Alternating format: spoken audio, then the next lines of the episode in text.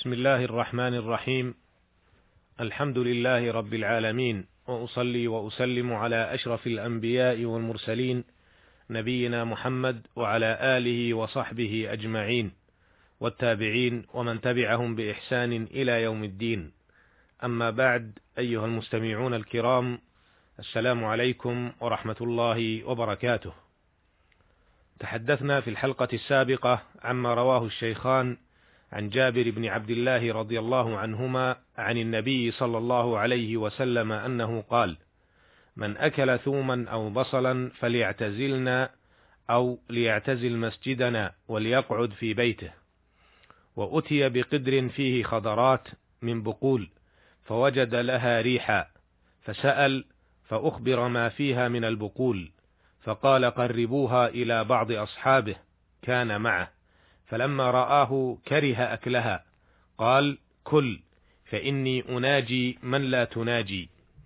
وعن جابر رضي الله عنه أن النبي صلى الله عليه وسلم قال من أكل البصل أو الثوم أو الكراث فلا يقربن مسجدنا فإن الملائكة تتأذى مما يتأذى منه بنو, بنو الإنسان. وفي رواية بنو آدم. وعرفنا ما في هذا الحديث بمختلف رواياته من الحكم والأحكام التي تتعلق بعلاقة المسلم مع ربه جل وعلا. وفي هذه الحلقة نتحدث عما رواه الشيخان عن عبد الله بن مسعود رضي الله عنه أنه قال علمني رسول الله صلى الله عليه وسلم التشهد كفي بين كفيه كما يعلمني السورة من القرآن التحيات لله والصلوات والطيبات. السلام عليك أيها النبي ورحمة الله وبركاته. السلام علينا وعلى عباد الله الصالحين. أشهد أن لا إله إلا الله وأشهد أن محمدا عبده ورسوله. وفي لفظ إذا قعد أحدكم للصلاة فليقل التحيات لله وذكره إلى آخره. وفيه فإنكم إذا فعلتم ذلك فقد سلمتم على كل عبد صالح في السماء والأرض وفيه فليتخير من المسألة ما شاء. ولما رواه الشيخان عن عبد عن عبد الرحمن بن أبي ليلى قال لقيني كعب بن عجرة فقال ألا أهدي لك هدية؟ إن النبي صلى الله عليه وسلم خرج علينا فقلنا يا رسول الله قد علمنا كيف نسلم عليك فكيف نصلي عليك؟ قال قولوا اللهم صل على محمد وعلى آل محمد كما صليت على إبراهيم وعلى آل إبراهيم إنك حميد مجيد. وبارك على محمد وعلى آل محمد كما باركت على إبراهيم وعلى آل إبراهيم إنك حميد مجيد. هذان حديثان مهمان يتعلقان بجزء من صلاة المصلي. أعرض ما فيهما من فوائد وأحكام في الوقفات الآتية. الوقفة الأولى يدل حديث عبد الله بن مسعود رضي الله عنه على ما يقال في جلسة التشهد الأول والثاني في الصلاة الرباعية أو الثلاثية، واختلف أهل العلم في وجوب التشهد الأول والجلوس له، فذهب الإمام أحمد والليث وإسحاق وهو إحدى الروايتين عن الشافعي إلى وجوب ذلك مستدلين بهذا الحديث وبالأحاديث الواردة في صفة صلاة النبي صلى الله عليه وسلم بأنه لم يترك التشهد. وذهب الإمام مالك وأبو حنيفة وهو إحدى الروايتين عن الشافعي إلى استحباب ذلك مستدلين بأن النبي صلى الله عليه وسلم ترك الجلوس للتشهد سهوا ولم يرجع إليهما ولم ينكر على الصحابة حين تابعوه على تركهما وإنما جبروهما بسجود السهو. لكن أجاب أصحاب القول الأول أن الرجوع إليهما إنما يجب إذا ذكر المصلي قبل أن يعتمد قائما. وسجود السهو من المعلوم أنه يجبر الواجب والمسنون. الوقفة الثانية. دلت صيغة التشهد.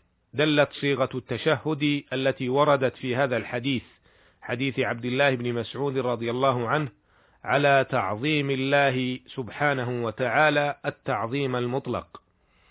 وأنه المستحق للصلوات وسائر العبادات والطيبات من الأقوال والأعمال والأوصاف.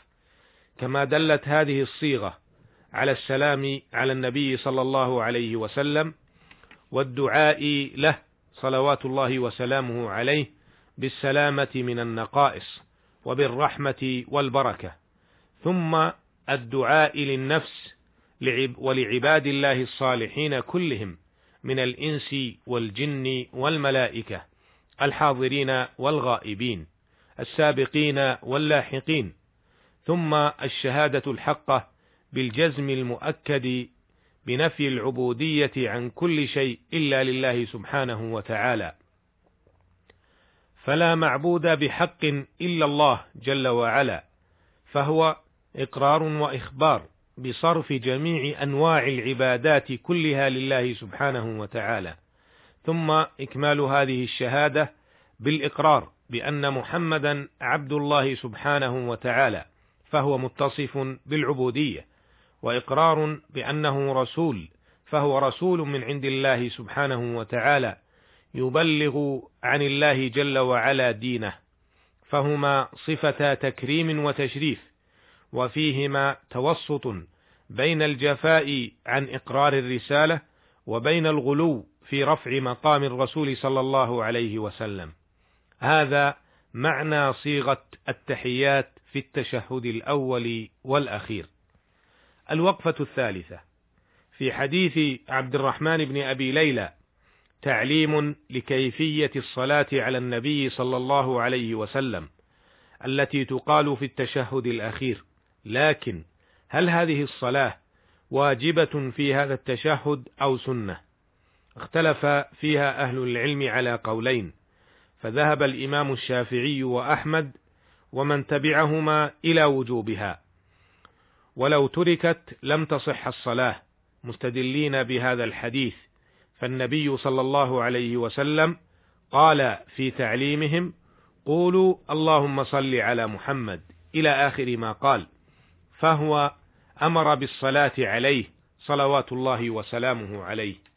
وذهب الإمامان أبو حنيفة ومالك رحمهما الله تعالى ومن تبعهما إلى أنها سنة مستدلين بما ورد عن النبي صلى الله عليه وسلم أنه قال بعد أن ساق التشهد إذا فعلت هذا فقد قضيت صلاتك.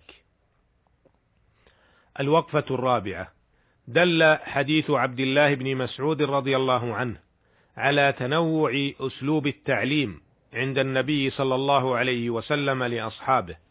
فهذا ابن مسعود رضي الله عنه يخبرنا بأسلوب من هذه الأساليب وهو أن النبي صلى الله عليه وسلم جعل يده في يده وفهمه التشهد تكريرا وتلقينا كما يعلمه السورة من القرآن. فهناك نوع من العلوم تحتاج إلى وسيلة إضافية غير الوسيلة الإلقائية التي يستعملها كثير من المعلمين والمعلمات دون غيرها فينبغي على المعلم أن يجتهد في كيفية إيصال معلوماته إلى طلابه وأن يستعمل الوسائل التي تناسبهم لكي يصل هذا العلم بسهولة ويسر وتؤدي العملية التعليمية والتربوية دورها المطلوب. الوقفة الخامسة دل حديث عبد الرحمن بن أبي ليلى في قول كعب بن عجرة له ألا أهدي لك هدية؟